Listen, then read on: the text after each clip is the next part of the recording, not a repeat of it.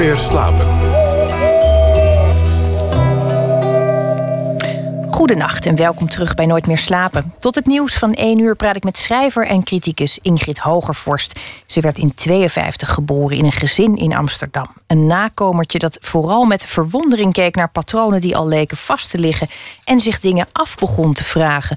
Een gewoonte die ze niet meer is verleerd. Ze studeerde Nederlands en cultuurfilosofie, werd bekend als criticus, geeft les en verzorgt de boekenrubriek van de Tros Nieuwsshow. Maar eigenlijk wilde ze altijd schrijven. In 2003 verscheen haar literaire debuut Woede. En sindsdien lijkt ze per boek te groeien. En altijd zijn er vragen over. Vragen die leiden tot nieuw werk. Afgelopen week verscheen Zeeschuim. Een roman waarin je kunt zien hoe iets heel moois tot iets heel lelijks wordt. En hoe weinig we eigenlijk begrijpen van wat liefde is of zou kunnen zijn. Ingrid Hogervorst, welkom. Ja, leuk.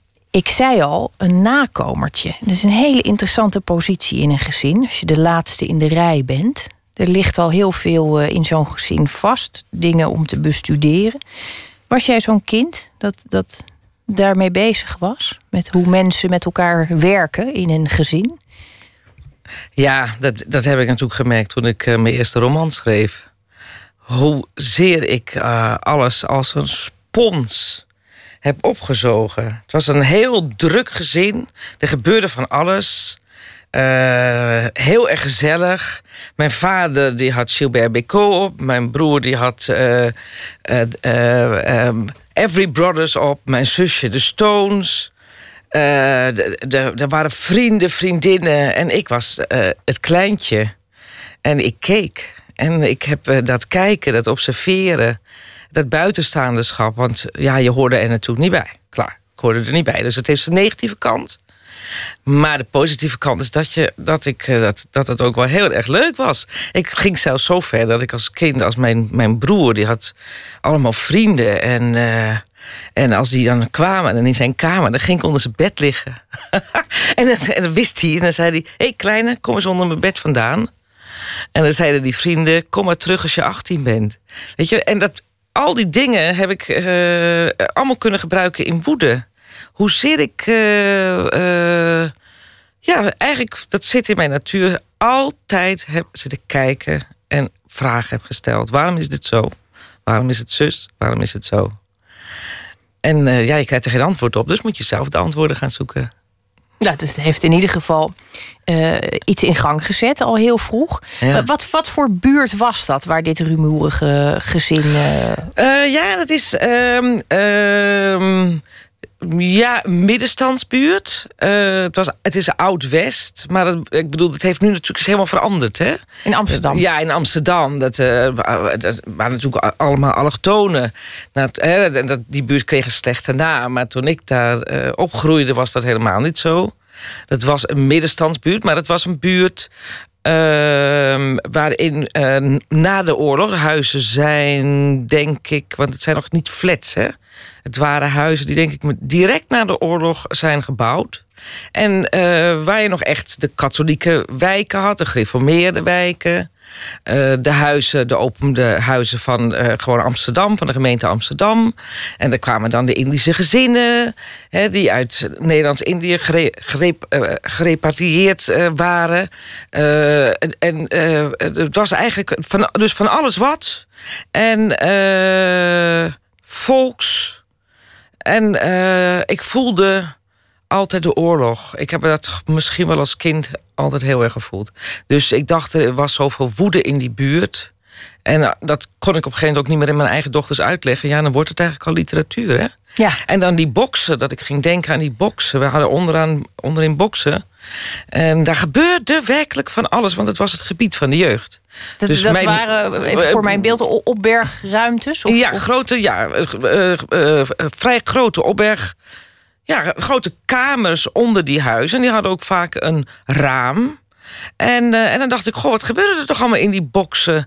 Mijn broer had zelfs matrassen in die boksen liggen... en nam hij meisjes mee. Uh, er werd aan brommers gesleuteld in die boksen. Maar ik, ik herinnerde me ook dat mijn moeder uh, zei... ga jij even mijn kousen wegbrengen? En daar had dus de schoenmaker, of schoenen... en had de schoenmaker had ook zijn nering in die boksen. Nou ja, toen ben ik op een gegeven moment gaan praten... met mensen die ik van vroeger kende... En die hadden ook weer verhalen over die boksen. En ja, dat, uh, dat, zo, dat was een hele, hele wonderlijke levendige buurt. En ik geloof dat het nu is afgebroken. Dat die huizen nu niet meer bestaan. Je zei net, er waren in die, die buurt, uh, je, had, je had katholieken en je had uh, mensen die uit Nederlands-Indië waren teruggekeerd. En je had. had jij zelf een beeld van de identiteit van jouw gezin? Wat was jouw gezin voor? Nou, wij vielen daar, wij waren heel wonderlijk. Want we woonden in de gereformeerde huizenblokken van Patrimonium. Maar dat kon natuurlijk helemaal niet. Maar ja, dat kon wel, want mijn vader was een Jood... maar dat was een, een gesmastere Jood. Een Jood die zich had laten aannemen voor de kerk. Want anders hadden we daar ook nooit kunnen wonen. En mijn moeder, die kwam uit een, uit een, uit een heel ander milieu. Die was zeg maar eh, uit haar milieu gevallen door haar huwelijk. Uh, dus uh, één west, daar vier hoog, het waren, het waren vier etages... Lagen wel de zilveren messen op de kristallen messenleggers. En wij, wij moesten heel keurig eten. Dus mijn moeder hield iets hoog. Uh, wat natuurlijk flauwkul was. En uh, dus wij, wij hoorden daar niet. En tegelijk, ja, ja, ja het, alles, alles botste. Sowieso de jodendom van mijn vader botste met de Nederlandse Indische achtergrond van mijn moeder. En, uh, mijn uh, jeugd botste met die van mijn broers en zusters. Want ik zat natuurlijk net in de tijd van de vrijheid, van de, de pil. Ik ben als enige gaan studeren. Ehm, ik ging op kamers wonen. Allemaal van een hele andere generatie. Dus alles botste. Alles botste wat maar kon botsen. En dat, ja, en dan die gekke woede die er altijd was. En dat. Uh, ja, je noemde dat net, dat, er, dat de oorlog er altijd was. Ja. ja. Ja, kijk, de, de oorlog, oorlog, is niet afgelopen in 45. De oorlog ging mee naar school. De oorlog... Ja, ja, ja, echt werkelijk ongelooflijk. Uh, ik geloof dat ik op de lagere school in de vijfde klas... Uh, elke week uh, kwam de gymleraar. Die nam een uurtje en dan ging je over de oorlog praten. Je werd meegenomen naar uh, middelbare scholen, naar tentoonstellingen. Met foto's van Auschwitz. En dan heb je dus over kleine kinderen. Hè? Hoe, oud, hoe oud ben je dan? Tien. Uh, mijn vader, die uh, Joods was, maar daar nooit wat mee te maken wilde hebben. Uh, zoals ik al zei, hè, hij was gereformeerd. En uh, hij, hij, wilde zich niet identificeren, denk ik, met de Joodse slachtoffers. Hè, Joodse haat, dat is heel bekend, hè, de, de zelfhaat. maar wel huilde, natuurlijk, met 4 mei. en dan mijn moeder, die vreselijk tijd in de oorlog had gehad... want mijn vader was ook weggehaald. Kort, die oorlog was er altijd. En ik weet ook nog dat ik als kind dacht... nou wat gaat mijn oorlog worden? Want dat je oorlog ging meemaken, dat stond als een paal boven water. Alleen je wist niet wanneer. En uh, dus daar, daar, fantaseerde ik dan over. Maar dat was, uh, de oorlog was er altijd. En toen ik ging studeren. Uh, daar heb ik spiegels over geschreven in de jaren zeventig. Toen vochten wij ook de oorlog uit. Wij vochten eigenlijk de oorlog van onze ouders uit. Want het was natuurlijk niet geëindigd in 45. En dat goed en kwaad, dat bestond nog steeds. Oh, dat is een VVD'er, dus dat is een fascist. Iemand met een stropdas noemde je een fascist. Waar haalden we die woorden vandaan? Wij waren links, wij waren anti-oorlog. Het, het, was eigenlijk uh, uh, dat, dat, dat wantrouwen ook waarmee je bent uh, opgevoed. Die was fout in de oorlog. Je kon niet met de tram of een vader zei... die was fout in de oorlog, die was fout in de oorlog. Maar onderhand was hij natuurlijk geen Jood. Als je met een Jodenster kocht ik een Jodenster, was ik acht jaar. Vond ik wel interessant. Een Davidster. Dan lachte die uit. Zei die, hoezo? Je denkt toch niet dat je Joods bent, hè? Nou ja, kortom. Wat mij eigenlijk inspireerde vooral... is dat identiteit, dat ligt in de rafelranden. Ik heb me nooit geassocieerd met tweede generatie. Nooit, nooit, nooit. Nog aan de Indische, nog aan de Joodse kant. Nee, joh, dat zijn die rafelranden. Die, mijn moeder, die natuurlijk gewoon een, een, blanke vrouw is. Maar wel met een rollende R praat. Omdat die vrouw gewoon daar helemaal is opgegroeid. En zij eet met een bruin brood. En ook heel Indisch was. Weet je, dat is eigenlijk veel interessanter. En misschien ben ik daarom ook pas later gaan schrijven. Omdat dat, die nuances, het is, het is die, het zijn, je identiteit ligt ergens in die rafelranden moet je ze zoeken. Uh, niet uh, zwart, niet wit, maar juist in dat gekke grijs gebied. Dat, daar wordt het interessant. Daar zitten de verhalen. Duurde het lang voordat je daarachter was?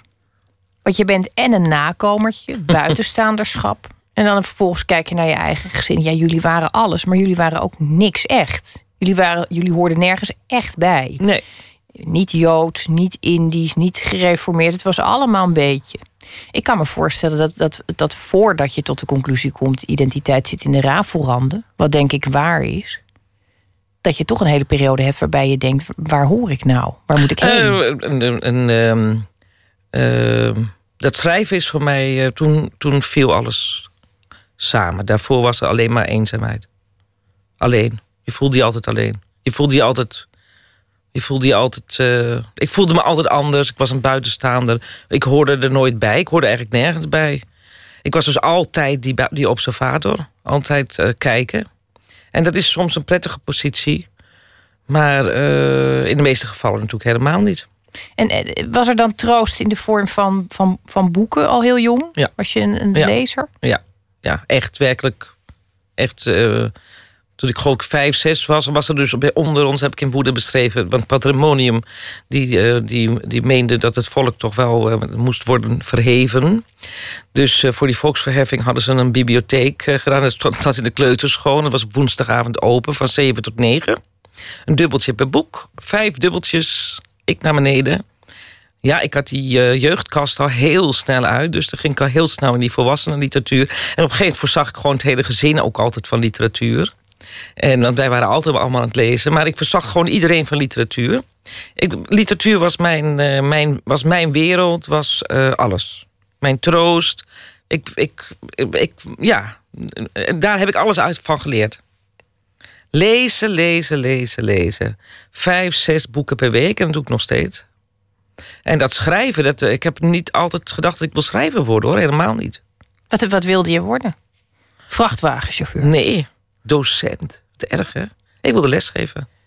En, en wist je Eh, dan mensen, ook in wat? Of in het nee, algemeen? Nee, nee, maar ik was altijd. eh, als iedereen nog sliep, dan was ik al op natuurlijk, want de hele meute sliep uit. Want die waren natuurlijk allemaal uit geweest. En ik eh, moest vooral heel stil zijn, want anders kreeg ik feestkomen van mijn broers en zusters.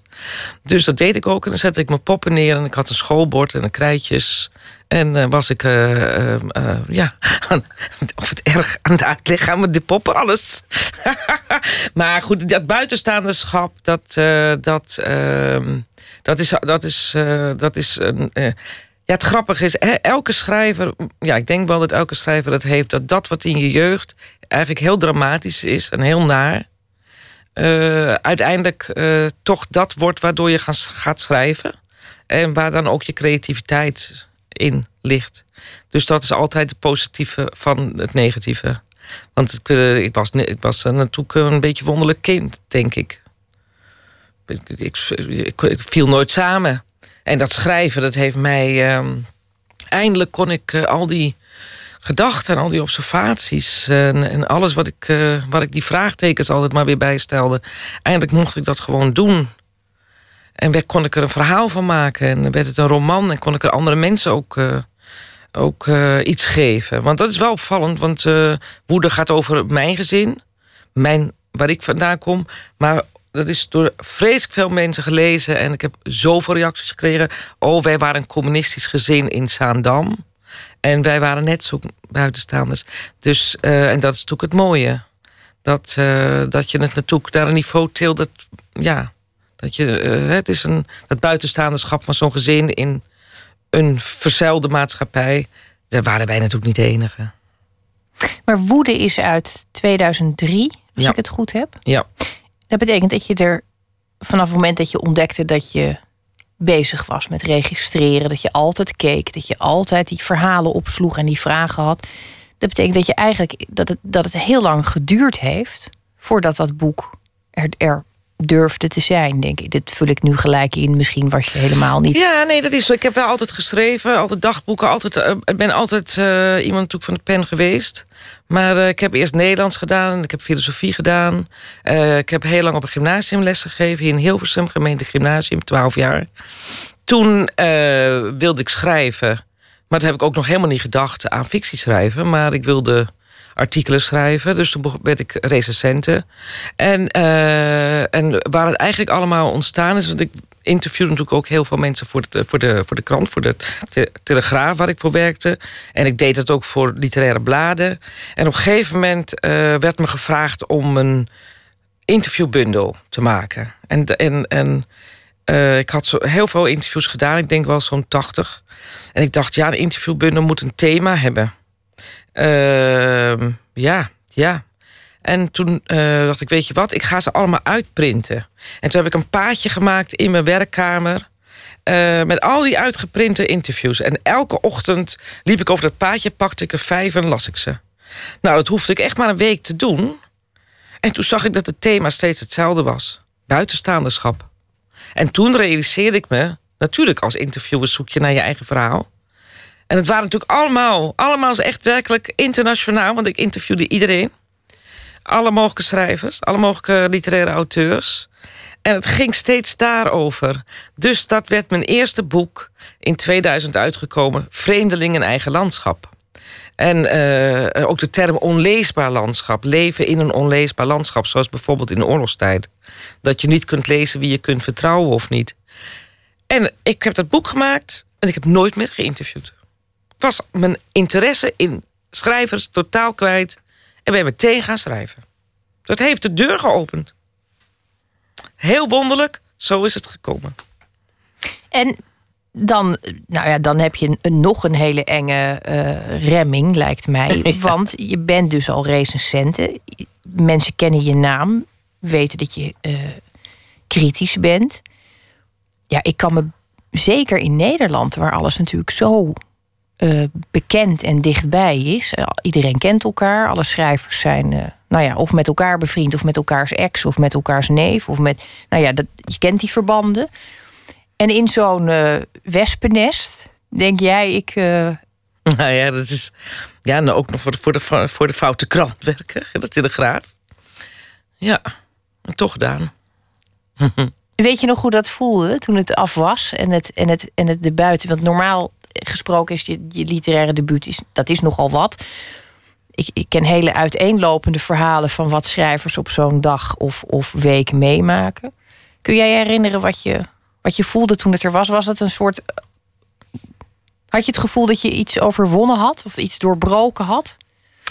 Uh, ja. En ik dacht, uh, ik wist, ik heb een goed boek geschreven. Dat wist ik. Woede was heel sterk. Ik had meteen mijn stem. Uh, Joost mag weten waar ik hem vandaan haalde, maar ik had hem meteen. Dat stem van, de, van het kind was heel sterk. En dat gezin en alles wat er werd beschreven de humor erin.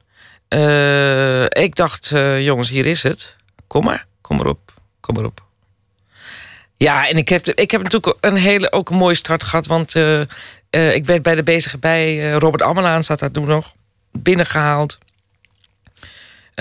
Want ik had namelijk het eerste hoofdstuk gepubliceerd in de Revisor. Uh, en daar, toen kreeg ik al allemaal telefoontjes van uitgeverijen. Want ja, ik was natuurlijk al jarenlang recensent, natuurlijk. En uh, toen dacht ik, nou, ik wil of Querido of De Bezige Bij. Dat had ik gekozen als de beste uitgeverijen. En ik heb het ze allebei gegeven, de tekst, en gezegd... ik wil dinsdag horen. Ja, en De Bezige Bij was het eerste. En ik kreeg een gigantisch voorschot. En ik werd met champagne... Ja, het was een sprookje. Dus ik voelde me ook zo gesteund door die uitgeverij. En ik werd ook meteen bij kunststof. En uh, ik werd heel breed gerecenseerd. En het was of negatief, of heel erg positief. En eigenlijk is dat altijd gebleven. Dus het, uh, dit boeken die, die doen iets en dat, ja, dat is goed. Een boek moet ook... Het is goed als een boek dit soort hele uiteenlopende reacties, heftige reacties oproept. Want dan betekent het in ieder geval dat het wat is. En ik ben ook meteen door gaan schrijven, meteen spiegels over mijn studietijd en polslag. Nou ja, nu dus mijn vijfde boek Zeeschuim. En ik, eh, ik, ik, zou dat iedereen willen zeggen. Je moet doen wat je, als je voelt dat je dat wil doen. Doe het. En hou je vooral niet bezig met de vraag... wat gaan anderen zeggen? A, kan je dat nooit weten. En B, wat kan het je schelen? Je moet doen wat je wilt doen. Als je het maar goed doet. Was je, kon jij trouwens beter tegen de negatieve recensies dan een, uh, dan een gewone schrijver, omdat je zelf recensent bent? Kun je het dan nou, beter hebben? Of helpt het niks? Nou, je kent wel de klappen van de zweep. Jawel, natuurlijk wel. En ik wist ook wel wie dat zou gaan doen. Maar goed, dat, we ja. Hm. Ik weet, ja. Ach, ik, ik kon het ook wel re relativeren, maar ik geloof dat ik alles altijd wel een beetje relativeer. Ik, ik, ja, het is misschien ook van mijn Jood zijn, eerlijk gezegd hoor. Je bent zo, je bent zo opgevoed met wantrouwen naar de buitenwereld. Je stelt overal die waarom-vraag. De waarom-vraag die staat ook eh, centraal in Zeeschuim. Uh, is gisteren gepresenteerd. Ik begreep dat het een ontzettend leuke dag was. En uh, een van de dingen die ik bij het lezen van de roman. Ehm, waar, waar ik een beetje last van had, eerlijk gezegd. Is dat ik, um, ik, ik. Ik werd hongerig naar het antwoord op de vraag: hoe kan het toch gebeuren? En het is een hele oude vraag, dat weet ik. En het is een, hele, vraag van alle tijden. Hoe kan het toch gebeuren dat iets wat zo mooi begint zo ongelooflijk fout gaat tussen twee mensen. Ik, het is iets wat ik me iedere keer weer opnieuw over verbijster. En, en dus ook in deze roman. Dat, dat geeft een beetje aan ongeveer, ik doe het nu te kort, dat, dat kan ook niet anders. Uh, waar de roman over gaat.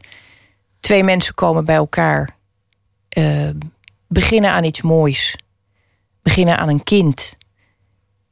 En dat loopt heel anders dan je had gehoopt. En daarnaast is er een verhaal Um, dat speelt er doorheen. Van twee zussen, een tweeling, waarvan de één een kind verwacht. Dat gaat fout, die zwangerschap. En uh, de, de tweelingzus die achterblijft, die uh, schrijft brieven aan de vrouw die de baby krijgt. Nu vertel ik het, dit is alsnog, als je dit probeert na te vertellen, wordt het altijd heel vervelend. Ja, maar ze wil een kind omdat ze los, zich los wil maken van de tweeling. Van het tweelings, ja, uit het tweelingschap. Ook niet een onbelangrijk Het is een heel belangrijk gegeven. Hè? Dus ja. dat, die roman gaat over verbondenheid, over liefde. Ja, maar dus ook over wat er. En, daarom vond ik hem zo. Daarom vond ik die vraag zo belangrijk die je centraal stelt. Of een van de vragen die je centraal stelt is hoe het toch mogelijk is dat het zo lelijk wordt. Waarom zien we het niet aankomen? Waarom gaan we met, met het idee: dit is een hele leuke man en dit wordt vast ook een hele fijne vader. We gaan beginnen goed en het, nou ja, in no time is het eigenlijk. Ja, is toch geweldig dat we dat doen? Ja, vind je dat geweldig? Ja, natuurlijk, we zijn mensen. Nee, kijk, dit, wat, uh, nou ja, je, kan er, je, kan er, je kan er een antwoord op geven. En ik denk, uh, kijk, de liefde, de liefde is een spel met identiteit. Want de liefde, uh, dat, dat raakt aan ons verlangen. Iemand te zijn, iemand anders te zijn dan die we al zijn. Want wie we al zijn, die zijn we al. Dus uh, je zoekt een ander. Dat zoeken naar een ander. Want wat, wat wil je met die ander? Die ander die gaat jou iets geven. Dat is niet alleen maar dat hij jou complementeert. Dus dat je samen één geheel wordt. Nee, samen ben je meer. Samen ben je meer. Dus, uh, en dat willen we ook. Want we, willen, we, we, we, verlangen nog naar andere levens. Er zijn nog zoveel levens in ons die, uh, waarvan we willen dat ze geleefd worden. dus liefde, wat ik wil zeggen, is dat liefde heeft niet alleen maar te maken met seks en liefde. ik hou van jou en ik vind je een ontzettend mooi iemand. En ik heb zo fijne seks met jou. Nee, liefde heeft ook te maken natuurlijk met veiligheid. En met, maar ook met vrijheid. Met uh, ambitie. Met imago ik wil met deze man, want samen met deze man, uh, ja, dan word ik op die manier gezien door de buitenwereld. Dus kortom, en, wij, en het gekke is over dat soort drijfveren, die toch ontzettend belangrijk zijn voor onze partnerkeuze, daar hebben we het nooit over. Deels natuurlijk omdat het onbewust gaat. We zijn ons daar niet zo van bewust. Uh, maar deels ook omdat het natuurlijk met schaamte samenhangt. Want we komen er toch niet zo heel erg graag voor uit dat we dat we toch heel graag die willen zijn of dat meer willen zijn. Uh, nou ja, kortom. Dus dat liefde, dat maakt liefde een heel tricky, tricky iets. En, uh, en wat, wat mij altijd verwondert, dat de liefdesbaby, in dit geval ook het gelukskind, dat verbindt de man en vrouw, want het is de kroon op hun liefde. Maar ik weet alleen dat, de dat baby's, vooral een, een, een wezen dat dat ze absoluut niet voor zichzelf kan zorgen, dat het totaal van jou afhankelijk is, uh, juist de tegenstellingen op scherp zet. Want ook die man heeft natuurlijk, hè, ik heb het over allebei, man en vrouw, die hebben allebei zo hun ideeën van wie ze willen zijn. En uh, ja, en een kind vraagt tijd, vraagt aandacht, vraagt uh, zelfopoffering, verantwoordelijkheidsgevoel. En daar gaat het wringen. En ik denk dat dat ook een reden is waarom heel veel mensen, waarom heel veel huwelijken met scheiding in een scheiding eindigen. Want ja, daar, moet een flinke oorlog worden gevoerd. En die oorlog die wordt ook gevoerd, allemaal achter die deur. Dus de oorlog, de grote oorlog is uh, al lang voorbij. Waar we het eerst over hadden, de, de, de, de, de grote oorlog. De Tweede, tweede Wereldoorlog. Maar daarna is er dus onmiddellijk de oorlog gekomen tussen de seksen. En die, neem van mij aan, die oorlog is nog steeds niet uitgewoekerd. Die wordt die, die, dat nu vrouwen allemaal een baan hebben althans de meeste, en hun eigen inkomen. Uh, die zijn niet meer zo geneigd natuurlijk om die tijd op te offeren. Dus die willen dat die man dat ook gaat doen. Ja, en dan, dan moet hij dus zijn, uh, zijn carrière, zijn carrière horizon toch anders in gaan richten. Nou ja, over deze dingen gaat dit boek. Dus deze twee mensen, dat gaat dus botsen. Ja, en, en niet zo'n beetje zou ik bijna zeggen. Wat er ook vond ik. Uh, vond ik eigenlijk ook heel uh, schokkend om, om te merken dat ik daar heb ik nooit zo bij stilgestaan, is de, de, de, de rol van mannelijke vriendschap. Ja. Wordt ook nooit over geschreven? Nee, in een, in een relatie tussen man en vrouw denk je vaak... het gaat tussen die twee. Maar je merkt dan toch dat zo'n man heeft ook een bepaald netwerk. En die vrouw heeft een bepaald netwerk, misschien in sommige gevallen. Um, het heeft enorm veel invloed. Mannen zijn solidair met mannen. En vrouwen zijn solidair met hun man. En dat is altijd zo geweest. Ik bedoel, ik, ik, ik denk dat elke vrouw de situatie kent. Al van heel jong. Je hebt een vriendin met wie je alles doet. Tot het moment dat ze er man vindt. En dan mag je tussen de twee uurtjes door. Dat, ik, ik denk dat elke vrouw zo'n. die kent dit. Het is een wonderlijk mechanisme. En uh, ook uh, kennen we de vrouwen die. Vrouwen blijven gewoon altijd maar bij die mannen. Die, dat, wat die man ook doet, ze, ze, ze, ze, willen gewoon bij die mannen blijven. Dus gaan schikken en inschikken. En uh, waarom doen ze dat? Ja, vrouwen, dat vinden, weet ik niet. Kan, daar heb ik ook helemaal geen antwoord op. Nou, ik denk dat dit, dit boek doet in ieder geval een poging om, om, uh, om in te zoomen op een antwoord. En uh, slaagt daar denk ik ook in. Tot slot, is dit denk je je beste boek tot nu toe? Want dat hoop je natuurlijk wel altijd.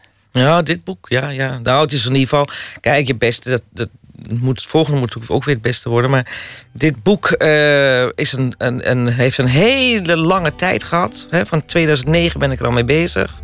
En het heeft heel lang geduurd voordat al die lagen erin zaten. Ook het verhaal van het, van het tweelingschap, de verbondenheid van die tweeling. Het is eigenlijk een moderne Griekse tragedie... waarin al het verlangen, al dat menselijk verlangen wat we hebben... al die liefde, in schuim, in het schuim verdwijnt. Ingrid Hogevorst, dank je wel dat je er was.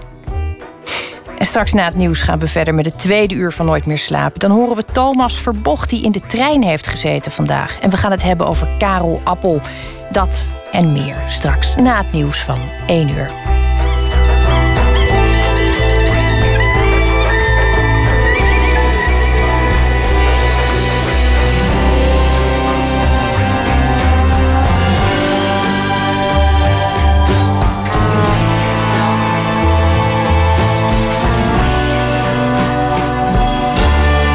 Radio 1.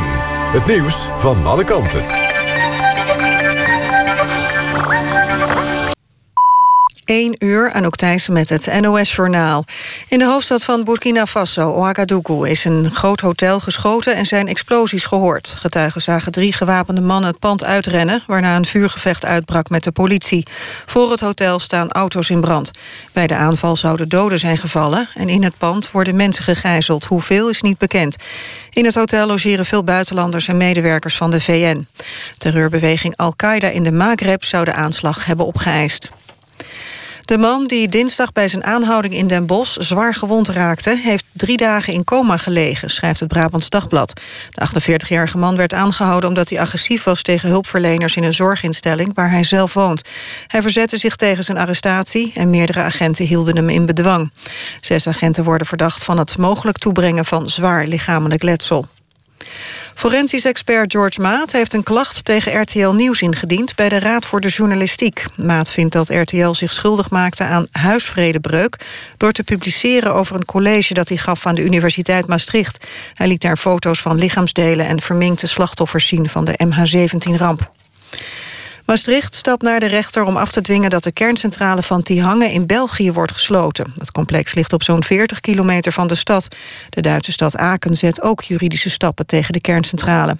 Beide steden zijn bang voor de veiligheid vanwege meerdere incidenten in Tihange. In de eredivisie heeft FC Twente thuis ruim gewonnen van streekgenoot Heracles. Het werd 4-0.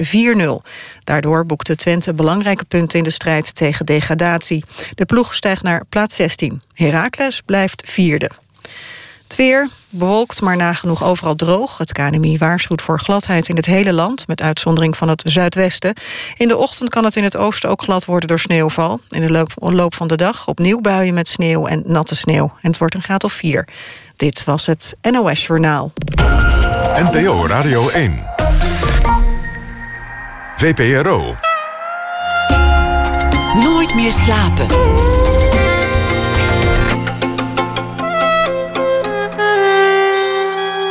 Met Esther Naomi Perquin.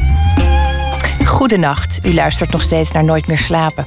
De Nederlandse portretfotografie staat al jaren in hoog aanzien. En straks doen wij verslag van Dutch Identity, een overzichtstentoonstelling van de Nederlandse portretfotografie in Museum de Fundatie in Zwolle. En we spelen open kaart met Thomas Elbers, beter bekend als Kipski, de scratch virtuoos. En we beginnen met proza, dat reageert op het nieuws van de voorbije dag. Deze week verzorgd door Thomas Verbocht. Hij is columnist en schrijver van romans, korte verhalen en toneelstukken. En zijn meest recente boek heet Als de winter voorbij is. En vandaag schreef hij zijn bijdrage in de trein, heb ik begrepen. En dat kan eigenlijk niet anders dan, hoewel misschien vertraagd, goed uitpakken. Thomas, goedenacht. Goedenacht, maar hoe wist je dat? Ja, Thomas, ik heb overal uh, spionnen die jou in de gaten houden. Ja, dat is ook, ook wel een geruststellende gedachte. En sommige van die spionnen werken hier ook. Oh ja, ja nee, ik, ik, ik weet het ineens weer. Ja, ja, ik, je bent in goede handen, laat ik het zo zeggen. Uh, goed gevoel is dat ook. Ja. Maar het gaat niet over de trein. Nee, gelukkig niet, zeg. Nee, zeg, want nee, bovendien ging het vandaag ook heel goed. Dus uh, dat, dat, ja, dat, kun je, ja, dat, dat, is niet, niet, niet, leuk om over te schrijven als het heel goed gaat. Nee. Ik had een ander bericht. Ik zal het, ik zal het gaan lezen. Graag. Mooi is dat veel berichten over sneeuw goedmoedig zijn. Ik woon in het westen van het land en daar is geen sneeuw te zien. Maar ik hoorde er wel over, al vroeg op de dag. Op de radio rond half acht. Over de sneeuw in het noorden. Natuurlijk werd er ook een nadeel van sneeuw behandeld. Code geel, gladde wegen. Maar daaraan vooraf ging een, beter bericht. In het radioprogramma was immers een foto gearriveerd van een sneeuwpop. Ook de maat werd genoemd. Een sneeuwpop van anderhalve meter hoog. Eerlijk gezegd vind ik dat geen echt grote sneeuwpop, maar het is al heel wat in een land waar het de sneeuw behelpen is. Zo'n bericht over, over een sneeuwpop wordt met een glimlach voorgelezen. Het is radio, je ziet de glimlach niet, maar je hoort hem. Rond het woord sneeuwpop zit gezellig cadeaupapier. En dat snap ik wel. Ik voel een even de warme behoefte in het noorden te wonen. Terwijl ik me ook afvraag wanneer ik voor het laatst een sneeuwpop maakte. Het opzetten van een sneeuwpop is niet aan leeftijd gebonden. Het is een algemene vorm van pret. Dat is immers het woord dat met dit soort activiteiten verbonden is. Pret. We zeggen niet ijsplezier, nee ijspret.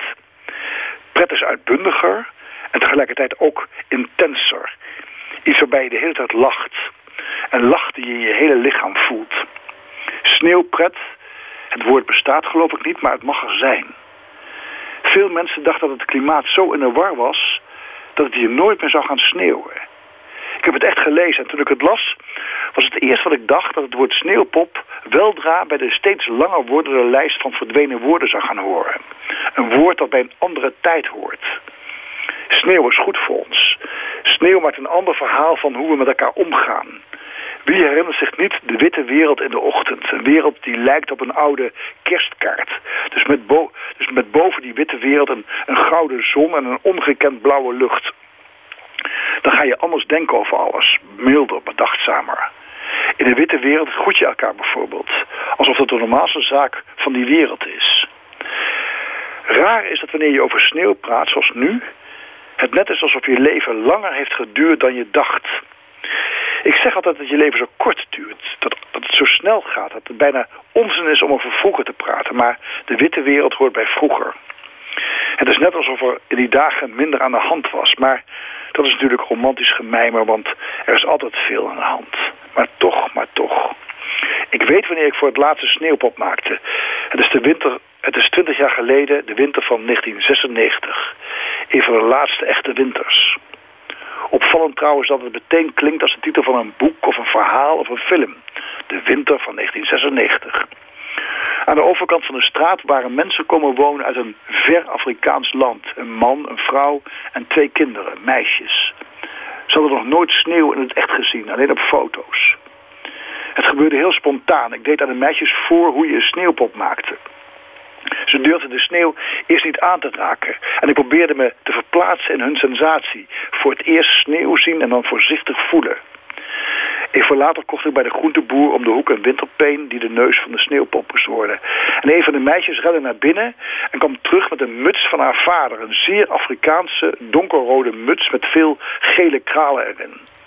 Het hoofd van de sneeuwpop was te groot voor die muts. Maar dat was juist goed, want de sneeuwpop zag er daardoor fantastisch uit. Multicultureel, zou ik nu zeggen. De meisjes moesten lachen. Hun ouders stonden voor het raam en lachten ook. We lachten omdat alles goed en veilig was. Wat grote woorden zijn, maar daar in de sneeuw heel intens bij ons hoorden. En nu ik dit vertel, is het net alsof het een verhaal is. Ja, een verhaaltje voor het slapen gaan. En ik geloof dat ik steeds minder van dat soort verhalen ken. Thomas, dankjewel. Ik krijg uh, helaas wel intens veel zin in sneeuw nu. Ja, dat, ja, dat, dat, dat hoopte ik ook een beetje. Dat, dat, dat, dat we dat heimwee hebben. Dat is zo'n mooi, zachtmakend heimwee. Het komt ook natuurlijk omdat die klimaatopwarming er straks voor zorgt... dat als er dan sneeuw komt, dan verbroedert het intens... en dan ben je op een heel nieuwe manier extra blij met sneeuw. Ja. Dan is het toch alsof er een soort manna uit de hemel neerdaalt. Ja, zo is het, ja. Zo is het, ja. En dat God toch nog van ons houdt, ondanks dat we de, het universum een beetje verpest hebben. Ja, ja. dat is mooi gezegd, ja. Zo is het. Thomas, dank je wel voor je bijdrage van deze week. En ik wens je een hele goede nachtrust. Esther, tot ziens. Dag. Dag. Lawrence Rothman komt uit Los Angeles en hij is naast performancekunstenaar ook singer-songwriter. En onlangs verscheen van hem een nieuw nummer. En de videoclip daarvan is een beetje een merkwaardig verhaal. Die werd opgenomen in de kamer waar Graham Parsons ooit een overdosis nam. Dat is in eh, Joshua Tree in de woestijn ten oosten van Los Angeles. En het nummer heet Users. you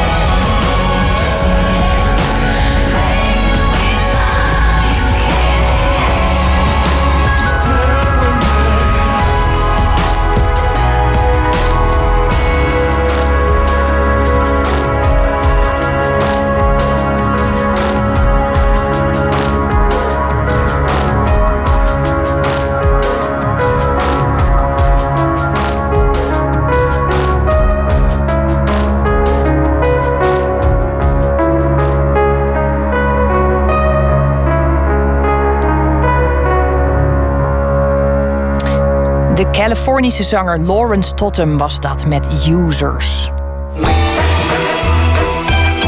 Nooit meer slapen.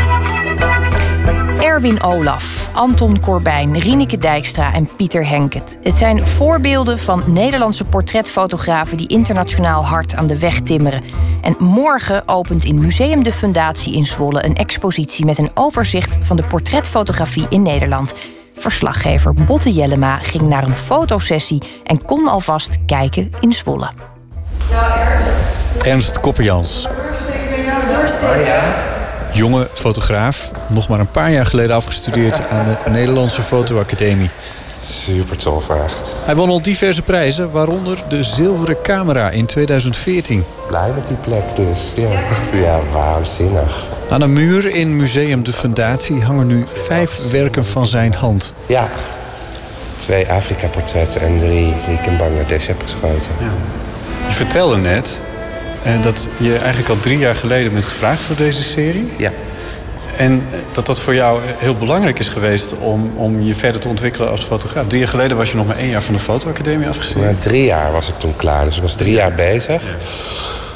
En eh Katinka en Harriet die vroegen dus, of ik kreeg een brief thuis. En dacht ik, dat kan helemaal niet kloppen of dat voor mij is. Helemaal omdat ik een beetje ondertussen wist wie die andere fotografen allemaal waren. Die ik allemaal al heel lang kende. Erwin Olaf, Rieneke Dijkstra, noem maar op. Ellen van Menen, eh, ja, gewoon idioot, ja. Maar het was dus toch wel waar. en het is ook wel een soort van accelerator geweest om hart te volgen... en een groter project in het buitenland te gaan doen... wat ik al in de planning had. Ik wist dat ik dat wilde doen, maar dat ik het ook echt ging doen. Want het is een investering om een tijd dan eh, een serie portretten in, in Afrika te gaan schieten van... ehm, in dit geval waren het eh, eh, de gay scene in West-Afrika. Voor de modellen was het gevaarlijk om zich vast te laten leggen. Ik heb ze niet opgestuurd naar ze, de foto's. Ik dacht, ik denk dat ze er heel trots op zijn. Maar ik, ehm, ik heb besloten dat niet op te sturen... voor ze daar verder van op de hoogte te houden van wat ermee gebeurt. Oké. De jonge man op de foto weet niet dat zijn portret nu in Zwolle hangt. De fotoserie zou Ernst de zilveren camera en verschillende andere prijzen opleveren. Deze is gefotografeerd eh, in het appartement waar ik verbleef. En dat deed ik eigenlijk niet. Mensen thuis fotograferen omdat ik dat ook griezelig vond. Dat je heel erg wordt gecontroleerd. En er zat een, een portier beneden. En je wist, ja, je weet maar nooit. En ik logeerde daar samen met mijn assistent. En ehm, deze jongen wilde heel graag, maar durfde niet op straat gefotografeerd te worden. Ehm, Het is een zwarte jongeman. Je hebt hem, laten we het, nou ja, letterlijk vanaf zijn eh, onderbroekband omhoog Ja. geschoten. We kunnen nog net zien dat het waarschijnlijk een, van een merk diesel is. ja, klopt. ja. Eh, en eh, ontbloot bovenlijf. Wat is hij ongeveer? Begin de twintig. Redelijk gespierd, niet extreem. Nee. Ja, ontzettend knap ook nog. Recht in je camera kijkend. Ja, in de keuken. Er was een glimmende muur eigenlijk. En ik dacht, ja, maar dan is het wel heel erg veel glim. Want zijn huid glimt als een prachtig. Dus dan heb ik een gordijn gepakt en dat eh, tegen de muur geducttaped, zeg maar. en ehm, ik dacht, dat moet, dat moet werken. En dat werkte. Ernst Koppians is een van de 25 fotografen die zijn geselecteerd voor deze expositie. De twee samenstellers zijn Harriet Stoop en Katinka Huizing. We hebben zes jaar geleden ook het Museum de Fundatie een tentoonstelling gemaakt over het geschilderd portret. En toen vroeg Ralf op een gegeven moment wat zijn je nieuwe plannen. En zeiden nou, we vinden fotografie wel interessant, fotografisch portret. En toen heeft Ralf ons aangeboden om hier een tentoonstelling te maken. En eh, toen zijn we begonnen het project. De techniek van de schilderkunst en de fotografie is flink verschillend, maar ze vinden het interessant om hetzelfde onderwerp in deze twee disciplines te laten zien. En Nederland heeft natuurlijk al eeuwenlang een portrettraditie, begonnen in die schilderkunst. De overeenkomst is misschien wel het Nederlandse licht. Wie zal het zeggen? Nederlandse licht? Ja. Vertel. Ja. Nou, er is een aantal eh, fotografen die dat genoemd heeft. En dat wordt ook in kunsthistorische kringen ook wel zo herkend. Jullie hebben ze allemaal geïnterviewd, hè? Ja, klopt. Ja, alle 25 uitgebreid geïnterviewd, opgenomen, getranscribeerd, geschreven. Ja, heel interessant gesprek allemaal. Ehm, nee, in de buitenlandse pers, onder andere in New Yorker, worden veel Nederlandse fotografen gerecenseerd eigenlijk. En daarin wordt een vergelijking gemaakt met Rembrandt, met de portretfotografen dan met Rembrandt en Jan Steen. En ze zoeken natuurlijk in die pers een overeenkomst. En dan wordt, wordt snel op het licht uh, teruggegrepen. Ja, dat ken ik een klein beetje. Dan wordt er gezegd van ja, we hebben die westkust met die zee en die reflecteert dat licht dan weer tegen die wolken die we hier toch ook heel veel hebben. Ja, grijze lucht. ja. ja. Is dat het? Het is het diffuse licht. Het licht in Nederland wordt gefilterd door de vocht in de, in de lucht. En dat diffuse licht is voor kunstenaars op allerlei disciplines gewoon heel interessant. En dat, dat kijk, deze schilders, of uh, deze fotografen die hier natuurlijk zijn opgegroeid en, en uh, hun opleiding hebben gehad, die nou, voor een groot deel vertellen ze dat ook. We hebben natuurlijk ook wel altijd gekeken naar uh, Nederlandse schilderijen en, en Nederlandse kunstenaars. Dus het heeft hun ongetwijfeld ook beïnvloed. Je ziet aan het begin van de tentoonstelling de foto's hangen die op een traditionele manier zijn gemaakt. Klassieke opstellingen en achtergronden met foto's van bijvoorbeeld Rieneke Dijkstra, maar ook van Anton Corbijn. Naarmate je verder komt, is er meer geanceneerd, meer vormgeving, minder realisme en meer fantasie. Zoals bijvoorbeeld bij Erwin Olaf of Desiree Dolron. In de zaal waar Ernst Koppenjans foto's hangen, is ook een muur voor Annaleen Lauwes. Om inzicht te krijgen in hoe je een portretfoto maakt, zoek ik haar op in haar atelier als ze schrijfster Nelke Noordervliet op bezoek krijgt om op de foto te zetten. Je gaat zo aanbellen en ja. uh, dat is voor een uitgeverij. Ja. Die foto is bedoeld om haar eigen uh, boek te promoten. Dus in dit geval, ik ga haar zo mooi mogelijk, of tenminste zo goed mogelijk, hoeft niet eens mooi te zijn, maar zo goed mogelijk vastleggen. Zodat ze er goed intelligent en krachtig op staat, om het maar zo te zeggen. Heel goed, mooi. Nou, dat, dat klinkt al als dat je er een uh, idee bij hebt. Nou, ja, dat nou, is uiteindelijk, het... in, in dit geval ik, ik, denk nooit zo, maar dit zijn voor, voor uitgeverijen moet het natuurlijk. Ja, het, is, het, is, uh, het kan postermateriaal zijn. Daar gaat de bel, daar komt ze. Ik zal eens even kijken.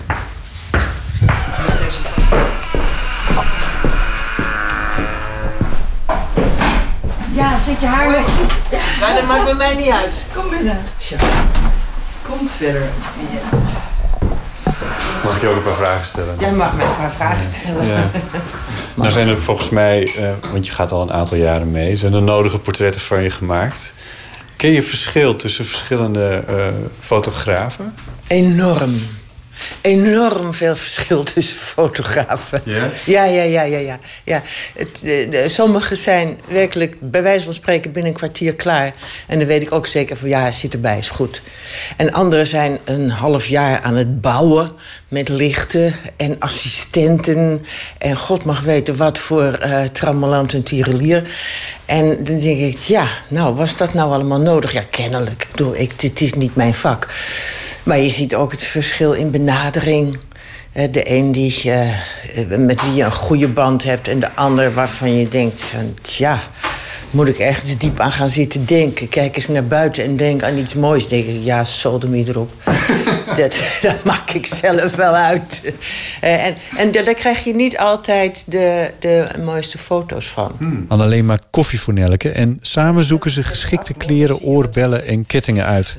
Nelke heeft een paar setjes meegenomen. Omdat dat niet gelukt bent. Want dan zijn ze, werken ja. ze bescheidener. Ik denk dat het goed zo is. Ja? ja? Oké. Okay. Ja, want het andere maakt, je heel erg, dan ben je misschien ook wel heel erg dame. Mevrouw, een damesmevrouw. Mevrouw, ja. Ja, ja, ja. Nee, ja. Een damesmevrouw ben ik niet echt. Annelien vertelt ja. dat ze graag een pand opbouwt met degene die ze fotografeert. Zeker met mensen die vrijwillig voor haar poseren. Als ik aan het werk ben in Den Dolder, een psychiatrische inrichting, dan werk ik met mensen die kwetsbaarder zijn. Die op dat moment dat je ze fotografeert tijdelijk zich heel erg opgetild voelen. Ja. Maar als je weer weg bent, ja, dan, is, dan kan het ook een gemis zijn of een. een, een en, en daarbij, het gaat natuurlijk ook nog om vertrouwen. Je moet ook een soort vertrouwen hebben. En dat vertrouwen bouwt ze ook op als ze Nelleke Noordervliet fotografeert. Ze vertelt steeds wat ze aan het doen is. En het is echt alsof ze samen de foto gaan maken. Die geluiden je alsnog verwerken. Wat mij betreft mag je van die kruk af. Ik weet niet of je lekker zit. Ik vind staan mooi, want dan sta je rechter. Oké. Okay. Als rechter mooier, krachtiger aan je. Kun je een heel klein beetje uh, met je lichaam afdraaien die kant op? Klein beetje maar, ja, mooi. Je iets mooier, smaller en prachtig. Dan zeg ik altijd prachtig, allemachtig. Ja. Oké, mooi. Ja, dat gaat hartstikke goed met dat. En die zoektocht doet ze het liefst samen met degene die ze portretteert, zonder verslaggever erbij.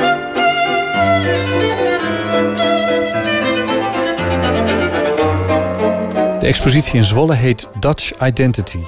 De samenstellers vinden dat de Nederlandse portrettraditie meer aandacht verdient. Dat mist natuurlijk wel heel erg in Nederland. Een Dutch uh, portrait gallery. Kijk, is dit een oproep? Dit is een oproep, absoluut. Wie zou dat moeten doen? Uh, nou, Koos Breukel heeft een initiatief uh, genomen vorig jaar. En onder de naam van de Dutch Portrait Gallery maakt hij al tentoonstellingen. Mm -hmm. Maar we vinden natuurlijk eigenlijk dat dat gewoon een vaste locatie zou moeten worden. Omdat die traditie zo groot is. Ja. Nou, klaar. Oké. Okay. Nee.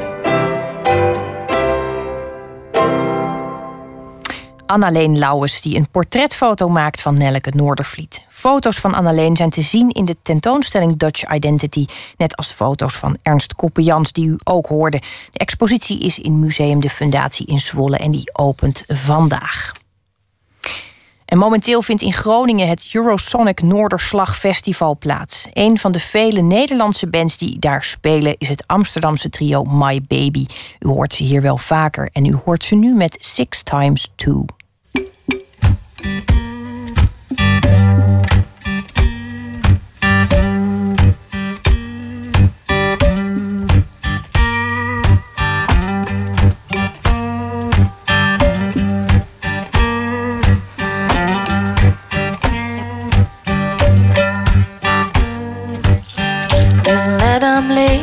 Fortune teller lost the ring and a necklace too. Her husband gave him to that girl, but Miss Madam never knew.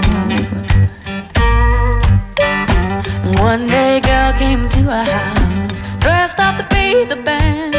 Miss Madam saw her long lost ring when she said, "Read my hand." The girl wore Madam's necklace too. The Madam she so red. She reached in a stocking for a barber's friend, and to that girl she said, Don't get something on what you don't expect. It ain't no money, no, it ain't no check.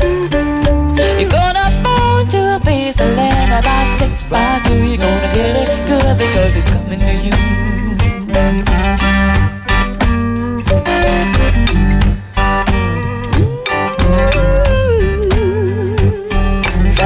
gave up Miss Madam's jewelry and gave up all she knew. Then she got hands so fast she found a brand new street or two. Miss Madam stroked the heavy eradicator till it shone to prove to Mr. Madam Lee the reason man leave home. And he came in unsuspecting said Hello, sweetie dear. She says, Turn your back and close your eyes. And I whispered in his ear, You're gonna get something, what you don't expect. It ain't no money, no, it ain't no check. You're gonna fall to a piece about six by two. You're gonna get it good because it's coming to you.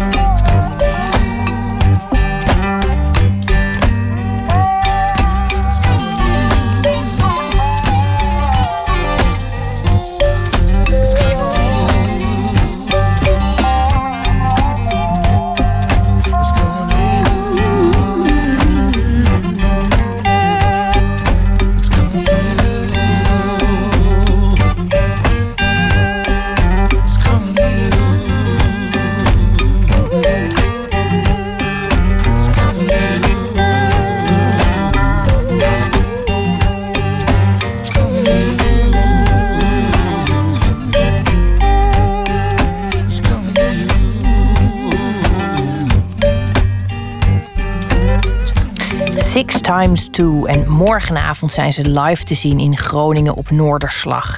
Dus u eh, zou daarvoor de potentiële sneeuw kunnen trotseren. Het Amsterdamse trio My Baby. Open kaart.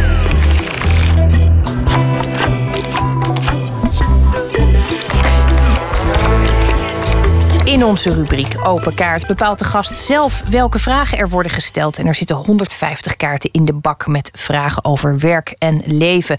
En vannacht doen we dat met Thomas Elbers, die als scratch-virtuoos onder de naam Kipski opereert. Ja, en u weet misschien ook niet precies wat dat is, een scratch-virtuoos, maar daar gaan we vannacht achter komen. Eh, ik weet het inmiddels wel en eh, wellicht kent u de naam Kipski ook van Simon en Kipski, de band die met het grootste gemak tussen dance, pop, rock en hip-hop schakelt. En ze brachten in totaal zes albums uit met veel succes. En in 2010 besloten ze dat het toch genoeg was. En nu doet hij het helemaal alleen. Kipski, die doet het helemaal alleen. Ehm, ik doe het alleen en eh, met een jazzorkest op het moment. Ja, nou daar gaan we het ook over hebben. Want jij eh, toerde al eerder met eh, onder andere Carol Emerald. Eh, je ging een samenwerking aan met het klassieke Matangi strijkkwartet. En nu ben je dus ineens betrokken geraakt bij het New Rotterdam Jazz Orchestra. En ehm, nou ja, die samenwerking moet heel spannend zijn. Ehm, laten we het heel even hebben over dat scratchen. Want ehm, Ja. voor mij ging er weer een wereld open. Ja? Ja. Nieuwe, echt nieuwe materie? Echt nieuwe materie. Oké, Dat eh, zal ik eh, mooi. eerlijk bekennen. Dus ik heb eh, dagenlang nu me in jouw scratch-werk verdiept.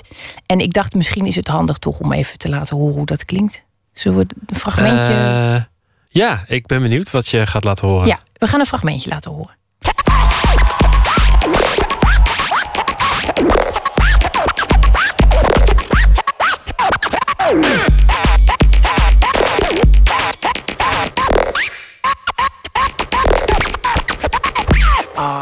Die man die je nu hoort scratchen, dat ben ik niet zelf, maar dat, eh, ik ben heel erg fan van hem.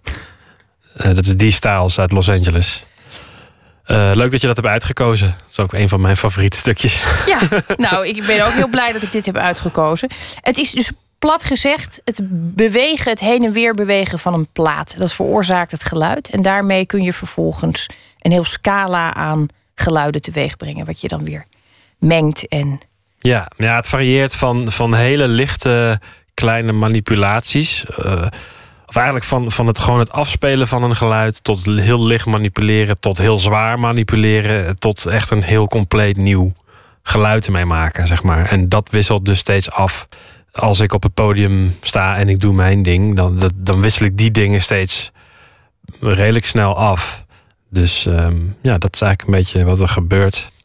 Het is natuurlijk niet, ja, het is niet iets heel erg super nieuws of zo. Maar het, ja, het bestaat eigenlijk al vanaf eh, 1978, 79. Toen de hip-hop eh, opkwam. Toen is het ontstaan eigenlijk. En is het ook uitgevonden, het scratchen. Is het nu dan toch iets, iets specialers geworden of krijgt het ineens meer aandacht? Want er is zelfs een, een, een las ik. Dat is ook een term die ervoor gebruiken, vind ik een fantastisch woord. Krijgt het nu een andere positie dan in de loop der tijd? Nou, het was eigenlijk jarenlang redelijk eh, dood in mijn eh, ogen. Er was een soort scene, turntablism scene. Zo van, en dat zijn dan DJ's die hun draaitafel als een muziekinstrument gebruiken. In plaats van als een, ehm, ja, alleen maar een afspeelapparaat. Maar dat turntablism, die, dat, is een heel klein soort van niche binnen DJ'en, zeg maar. En ja, dat is altijd heel klein geweest, ook wereldwijd heel klein. En dat leek jarenlang best wel ja, levenloos. Of in ieder geval, er gebeurden niet echt hele grote dingen. Maar de laatste twee jaar lijkt er een soort opleving te zijn. Oh, dat, misschien ook aangewakkerd door sociale media. Maar dat is ook heel veel scratchers of scratch DJ's. Dus filmpjes van zichzelf posten. Of, of nummers op Soundcloud. eh, en ja, vooral heel veel filmpjes eigenlijk op Facebook en YouTube. Waarin ze dus laten zien wat ze kunnen. En dat was eigenlijk vroeger, daarvoor, voordat eh, die media bestonden, zag je dat eigenlijk vooral op wedstrijden en kampioenschappen, zeg maar. Eh, Hoe, hoe ben jij Ja. daar dan ingerold? Want het is niet zo dat je op een dag wakker wordt, neem ik aan, als 12-jarig jochie en denkt: ik word een scratcher. Nee, ja, ik wilde eigenlijk drummer worden. Ik, ik begon met drummen toen ik acht was. En ik had echt, eh, het was echt de bedoeling dat ik professioneel eh, ja, drummer zou worden. En dat ik naar het conservatorium zou gaan. De drummen heb ik heel lang volgehouden. Echt tot mijn. eh, ja, ik drum nog steeds eigenlijk. Eh, behalve dat toen ik 14 was, of eigenlijk 12 al. Toen kreeg ik dus ook interesse in het scratchen door, door een videoclip die ik op tv zag van Grooves in the Heart van Delight. En ik luisterde toen al naar Public Enemy. Die muziek vond ik helemaal te gek. Eh, waardoor ik ook hip-hop begon te maken. En dat zat ook vol met gescratch. Eh, en ja, in die clip van Rappers Delight van Groove in the Heart eh, zie je dus een Japanner met twee draaitafels bepaalde bewegingen maken. En dat intrigeerde me zo. Oh ja, er was ook een, ehm, een documentaire, dat heette Cult. Het zou kunnen dat het VPRO is, dat weet ik even niet meer. Maar er er werd ook een, een, zo'n wedstrijd-DJ, Orlando Valpoort, heet die geloof ik. Van een uh, hip-hop groep, die heet Scorpio.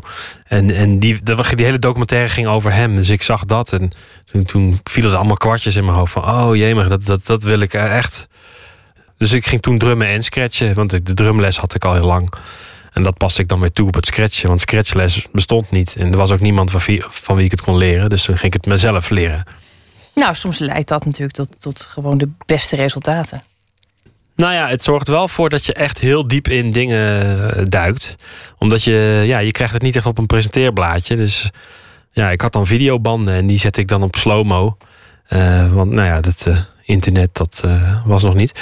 Nou ja, via, via de videobanden en nadoen. En natuurlijk ook de dingen van, die ik van drumles meekreeg, daarop toepassen. En kon ik het toch redelijk snel oppikken. Wil jij mij een plezier doen en een kaart eh, trekken? Ik ben heel benieuwd wat we over jou te weten komen aan de hand van de toeval. Nou, daar gaat hij. 1, 2, 3, hoppatee. Eh, heb je een levensmotto? Ehm, nou, ik had er wel laatst een eh, bedacht. Ehm, en dat is heb geduld zonder schuld. Gevoel, haakjes. Ja, want anders rijmt het natuurlijk. Omdat ik eigenlijk. ehm, nou ja, ik sowieso een, een, een plaat maken. Dus ik, ik, Rack Vader is mijn eerste soloalbum. En als je redelijk perfectionistisch bent, wat ik wel ben, dan ben je ook best wel hard voor jezelf, zeg maar. Ehm, en gebeuren dus, heb je al snel dat dingen, dat je vindt dat dingen niet snel genoeg gaan of niet, eh, niet snel genoeg eh, zo goed worden als dat je wil, zeg maar. En dat is soms best wel frustrerend. Zeker als je iets groots maakt als een album. Eh, ja, wat echt dan jouw visitekaart moet worden. Ja, dan eh, had ik wel af en toe iets van. Ja, had ik een soort, ook een soort motto nodig om in ieder geval mezelf niet gek te maken. Of, gewoon niet gek te worden. En gewoon, oh ja, heb geduld zonder, zonder schuld. eh, zei ik, dat bedacht ik dan bij mezelf. Want nou ja, door wat meer geduld te hebben, kom je vaak ook wel bij de juiste oplossing of het juiste idee. Zeg maar. Heb, heb jij dat zelf, dat je je schuldig voelt? Als je de tijd neemt voor dingen of als je in je eigen ogen misschien harder had moeten werken? Of heb je, ben je, ben je- heb je een beetje aanleg voor schuldgevoel? Ehm, nou, niet, niet speciaal volgens mij, niet bijzonder veel. Maar ja, dit, dit eh, motto, dat steekt toch wel steeds de kop op. Gewoon in, in, in eh, bijzonder eh, drukke tijden. Dus die echt buiten verhouding hectisch zijn. Dan haal ik de- deze er altijd bij, zeg maar. Ja. Nee, verder valt het volgens mij wel mee. Nou, het, is- het is, het is ook nog een. bedoel, Je hebt hem een jaar ongeveer, dit levensmotto. Dus het is iets wat je in de praktijk natuurlijk moet uittesten. Ja, precies. Ja, Nou, we, spreken over vijf jaar gewoon even af. En dan eh, hoor ik hoe die erbij staat. ja dat is goed. Wil jij nog een kaart trekken? Hoppa. Huh. Oké. Wie was de eerste dode die je gezien hebt? Eh jemig. Kun je je dat Goeie. herinneren? Is dan ook de vraag. Mm, ja, dat moet mijn, dat moet mijn eh, stiefoma zijn geweest. Ja. Want mijn opa die ging dood toen ik 12 was. En daar was ik niet bij. Eh, bij die begrafenis. Maar eh, dat was denk ik toen ik 20 was. Overleed zij. Ja, dat was de eerste. Maar ik geloof niet dat het, dat het heel erg veel. Het was wel wat ik dacht dat het zou zijn, zeg maar. Het was niet heel Wat, erg. wat dacht je dat het zou zijn? Je- dat het mee zou vallen? Of dat het... Ja, het is zo lang geleden. Ik, ik weet eigenlijk niet zo goed wat ik toen dacht. Maar, Nou, het heeft in ehm, ieder geval niet, het, het heeft geen in- intense schok teweeggebracht. Anders zou je nu zeggen, ik weet het nog precies. Nee, nee, het was zeker geen schok. Wat wel, eh, wat veel, eigenlijk veel schokkender was. Eh, het was wel zo dat ik haar eh, echt heel lang niet had gezien. Eh, dus de laatste keer dat ik haar had gezien, was ze eigenlijk nog best oké. Ehm, ik zag haar ook niet heel vaak.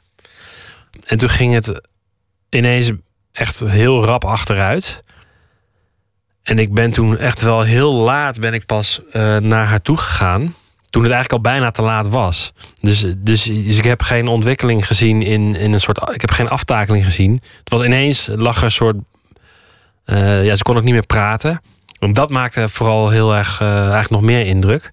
Dat ze dus mij zag en mij herkende. En heel overduidelijk herkende ook. En dingen wilde zeggen, maar ze kon niks meer, ze kon niks meer zeggen. Ze kon niet meer praten, zeg maar. Alleen maar een beetje zo. Ehm, en toen hebben we nog wat verhaaltjes voorgelezen en zo. En het was echt van, oh, oké, dit gaat. Dit heeft echt nog maar een paar dagen. Na een paar dagen is dit gewoon eh, afgelopen. En dat was eigenlijk, dat maakte heel, heel veel indruk. Zeg maar. Maar gewoon het lichaam in die kist. eh, ja, dat viel daarbij dus eigenlijk heel erg mee. Nou ja, dat, als je het zo beschrijft, kan ik me dat ook wel voorstellen. Want dan is de, de, de, de, het verval wat je te zien krijgt, is zo eh, gigantisch en Ja. zo snel en zo groot. Dat Ja. de dood daarna eigenlijk wel, eh, wel oké is. Ja, Of meevalt. dat je ook eigenlijk dan blij bent dat het dus dan eh, over is. Omdat je dus. Ja, dat je dus. Ik zag dus ook echt dat ze eh, daar heel erg onder leed. En ze had ook heel lang een hele pijnlijke gordelroos. Echt jarenlang. Daar leed ze ook al dus jarenlang onder. Dus, dus dat was misschien ook wel. Die dood was misschien dan ook wel een soort van beetje een opluchting. Ben, ben jij zelf banger voor de dood of banger voor de aftakeling? Ja, dat laatste wel. Dat, nee, de dood, nee. Nooit echt heel erg bang voor geweest. Maar ja, als dat dan eh, moet gebeuren, dan moet het wel liefst eh, met niet al te veel eh, obstakels en eh, gehannes en pijn en meer pijn en meer pijn. Of, of, of dan dit of dan dat of zus of zo. Ja, liefst simpel. of pijnloos. Voorlopig ben je nog eh, vitaal en kicking en, eh, en, en onder ons. Je gaat eh, samenwerken met het Nieuw Rotterdam Jazz Orchestra. En ehm, jullie zijn op zaterdag 16 januari, dat is dus vandaag eigenlijk, te bewonderen in het Bimhuis in Amsterdam. En op 21 januari staan jullie in Tivoli Vredeburg in Utrecht. Twee dagen later in de Vorstin in Hilversum. En op 29 januari zijn jullie te zien in het Luxor in Arnhem. Nou, Klopt. Dat alleen al is de moeite waard om voor door te leven, heel lang en gelukkig. Dankjewel dat je er was, Thomas. En ehm, heel ook veel bedankt. plezier. Dankjewel. We gaan muziek draaien van Marlon Williams, een country folkzanger uit Christchurch, Nieuw-Zeeland. En van zijn titeloze debuut is dit Strange Things.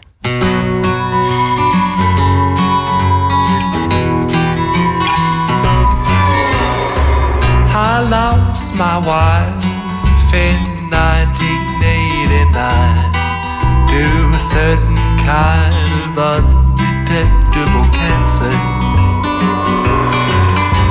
She left me alone in a seven bedroom home built upon the bones of fallen soldiers.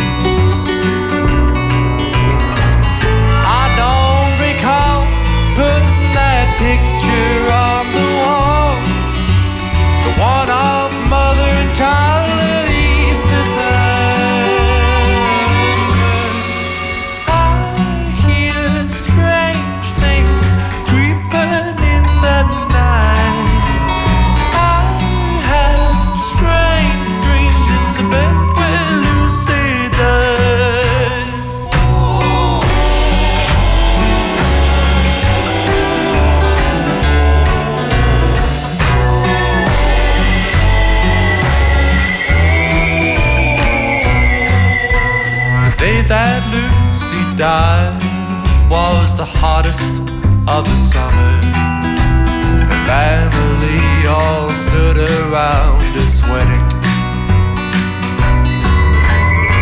When she expired, they all went back to the city. I've never seen a living soul again.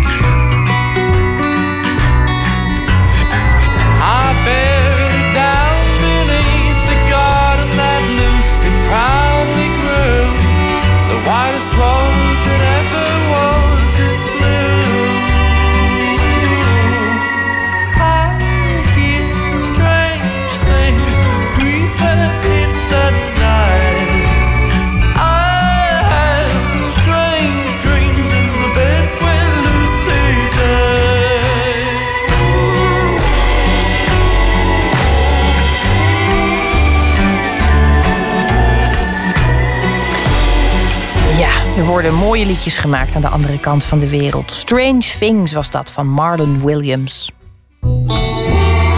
Nooit meer slapen. Morgen begint in het gemeentemuseum in Den Haag een grote overzichtstentoonstelling van Karel Appel. 67 schilderijen, 12 beelden en meer dan 60 tekeningen. Het museum wil tien jaar na het overlijden een andere kant van deze schilder laten zien. Een man die veel nauwgezetter te werk ging dan veel mensen denken. En nachtcorrespondent Floortje Smit weet daar meer van. Floortje, vertel. Goeienacht. Ehm als je denkt aan, aan Karel Appel, dan denk je al heel snel aan ja, gewoon felle kleuren, sterke lijnen, dikke verf. En waar heel veel mensen ook aan, en aan Cobra natuurlijk, jaren 50. En waar heel veel mensen ook aan denken, dat is dat dat zo'n woeste schilder was. Hè, die, het, die het verf echt op, op het doek kwakte met, met dikke klodders en soms vanuit de tube zelf. En ehm hij zei daar zelf ooit eh, tegen Jan Vrijman over dat hij eigenlijk gewoon maar wat aanrotzooide. En dat is een beeld dat is eh, heel erg blijven hangen bij mensen. En dat komt vooral ook door een documentaire die Jan Vrijman later heeft gemaakt over de schilder. En daar heb ik nu een fragmentje over. Ik begin vanuit mijn materie, dat is verf. Schilderen is een tastbaar zinnelijk beleven, een intens bewogen zijn door de vreugde en de tragedie van de mens.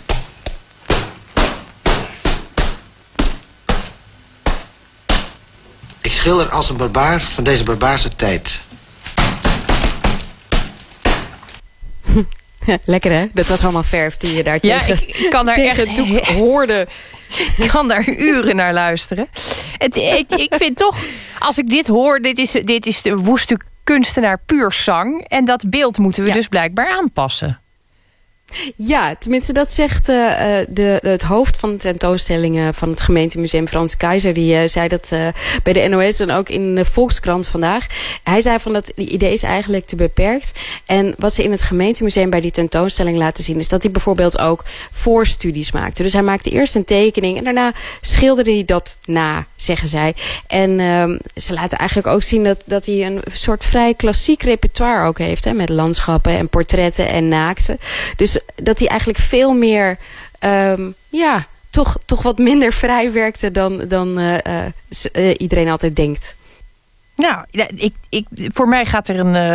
ik, ik moet even mijn hele beeld van Appel bijstellen nu. Eerlijk gezegd. Ja, dacht jij dat het, eh, dat het zo'n woesteling was? Nou, ik, ik ben natuurlijk een vurige voorstander van een hartstocht in de kunsten op elk vlak. En, en, en Appel is daar wel een voorbeeld van. Ik heb ook altijd de indruk gekregen, en dat, dat, dat is een heel particuliere indruk waarschijnlijk. Ik heb altijd de indruk gekregen dat hij het zelf niet zoveel vond. En dat hij heel erg tot kunstenaar is gemaakt. Door, eh, ja, door wie eigenlijk? Dat weet ik niet precies. Maar ik, ik heb nooit de indruk gehad dat hij zichzelf ook als een groot kunstenaar beschouwde. Misschien zit ik daar Ja, ook dat- wel naast. Je moet naar die tentoonstelling, daar kan je dat allemaal zien. Ja, ik heb zelf persoonlijk, wat ik, wat ik zo opmerkelijk vind aan die appel... Ik, mijn, mijn eigen sterkste herinnering is dat ik ehm, tijdens de lagere school... heb ik drie jaar in een klaslokaal gezeten waar een schilderij hing van appel. Ehm, ik heb het ook opgezocht en ik weet ook nu welke het was. Het was de ontmoeting. Ehm, en dat heb ik dus eigenlijk altijd onthouden. En dat is altijd een, blij, altijd een beetje blijven plakken. En dat is het. Kijk, zo'n appel herken je gewoon meteen. Je hebt dat een keer gezien en dan, dan, ja, dan ja, dan weet je het. En uh, ik heb gesproken met uh, Rudy Fuchs. Die heb ik opgezocht naar aanleiding van deze tentoonstelling. Hij is uh, voormalig directeur van het Van Abbe Museum in, in Eindhoven... en ook van het Stedelijk Museum in Amsterdam. Hij schreef mee aan de catalogus voor deze tentoonstelling. En hij heeft het hoofd van de tentoonstellingen Keizer heeft hij opgeleid. En zijn portret hangt ook in het gemeentemuseum in, in Den Haag. Hans is buitengewoon krachtig en ook heel wendbaar. En dan komt, hij zei wel eens, hij wel eens met hem over gehad. Ja, zei die, ik, ik probeer een bloem te schillen, ik kom altijd een beest uit. Of omgekeerd. Een beest, dan komt een bloem uit. En dat is ook wel. Je ziet ook, je ziet ook als hij in, in, in dat werk je ziet voortdurend bepaalde soort van figuren opduiken. Beweging, handbeweging, zoals ieder. Het heeft ieder mens in zijn eigen handschrift. Die heeft een bepaald soort kring, ook krul eraan. Je ziet alles van mijlenver, het is een appel.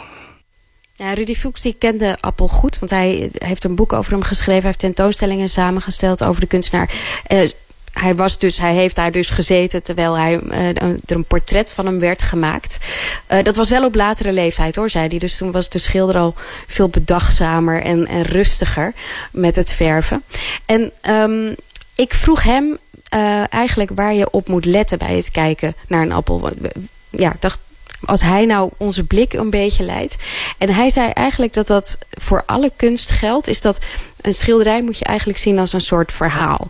Want er is iets gebeurd. Je hebt Eerst is het een leeg vlak. Vervolgens is het een vol vlak. En daartussenin is iets gebeurd. En dat moet je als, als kijker eigenlijk gaan onderzoeken. En, daarin herken je ook de hand van de kunstenaar. En hij beschreef bijvoorbeeld ook hoe Karel Appel werkte.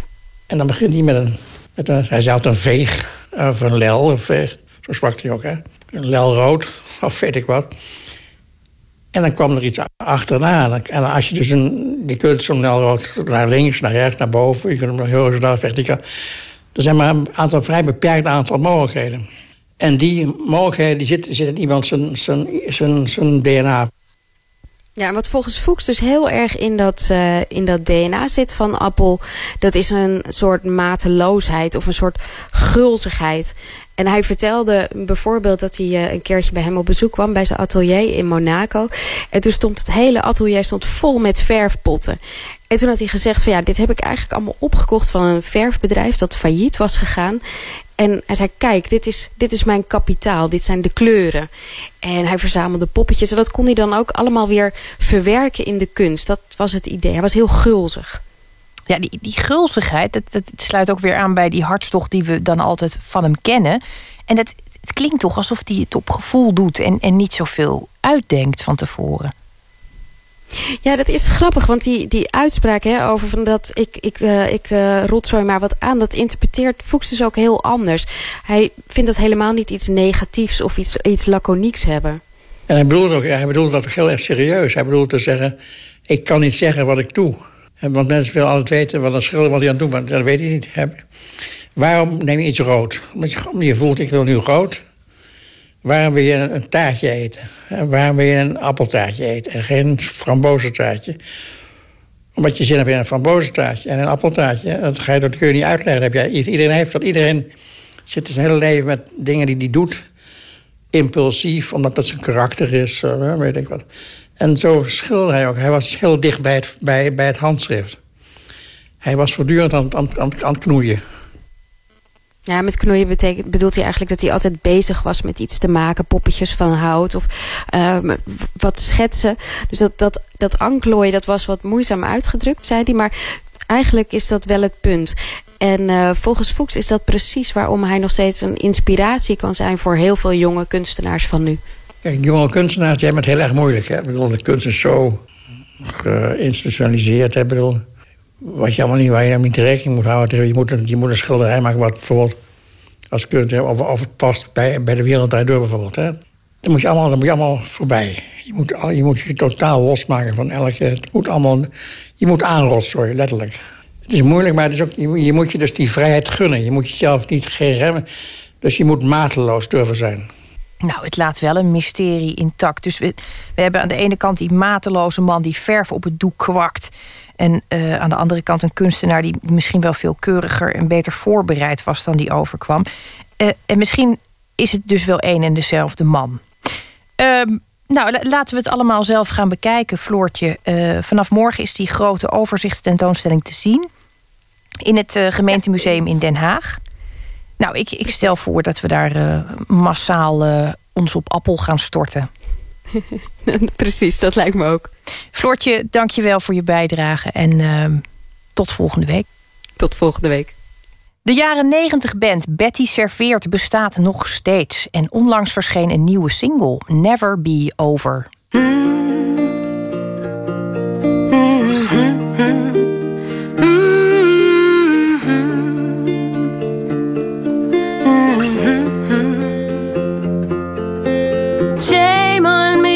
kissing you with my eyes closed oh so tightly.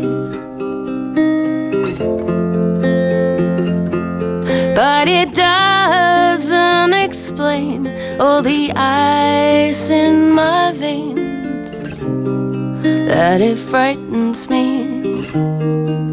It'll never be over.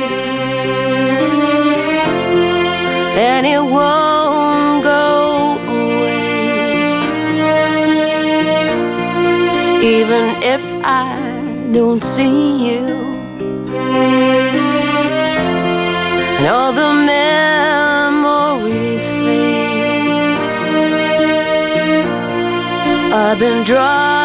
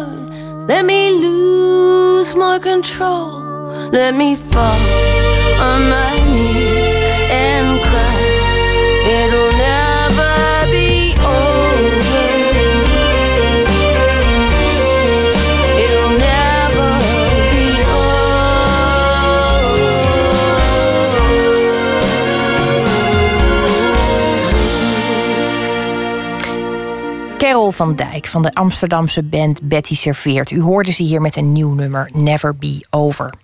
En deze week sluiten wij de uitzending af met een gedicht dat is uitgekozen door Joost Baars, boek- boekverkoper, essayist en dichter. En zijn werk is terug te vinden in tal van tijdschriften en bloemlezingen. En hij besluit de week met een gedicht van eigen hand, Theologie van de Stoel.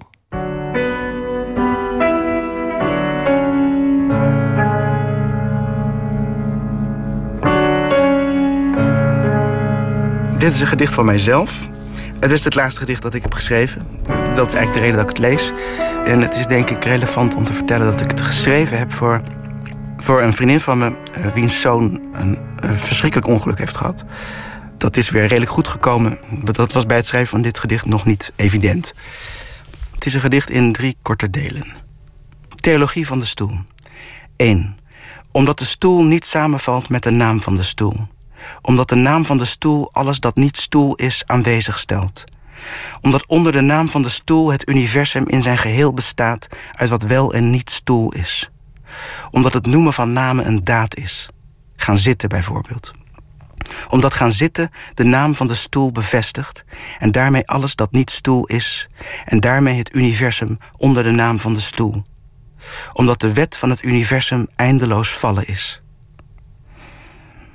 2 omdat het universum een eindeloos vallen is. Omdat lichamen vallen. Omdat onder de naam van het lichaam alles voorbij het lichaam aanwezig wordt gesteld. Omdat ons bestaan belichaamd is. Omdat ons belichaamde zijn een noemen is van een naam. Omdat niemand zijn eigen lichaam benoemt. En onder de naam van het lichaam het vallen besloten ligt. Omdat elke zoon een gebroken zoon voortbrengt. Omdat taal ons bewoont en ontvalt bevallen het eindeloos vallende lichaam zijn naam geeft. 3. Omdat in bevallen de naam van het vallen besloten ligt.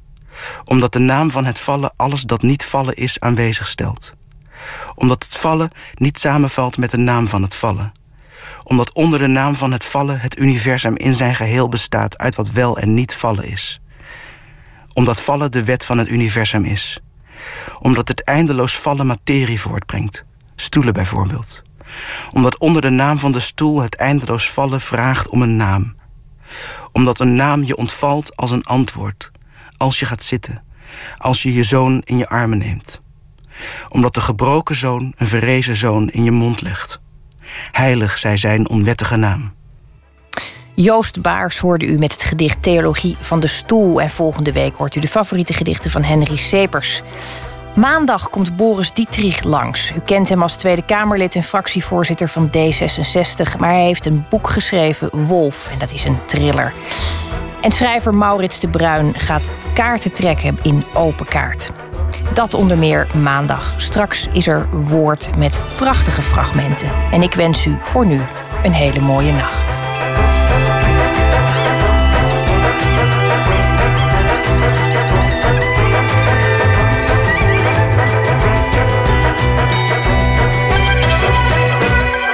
Radio 1, het nieuws van alle kanten.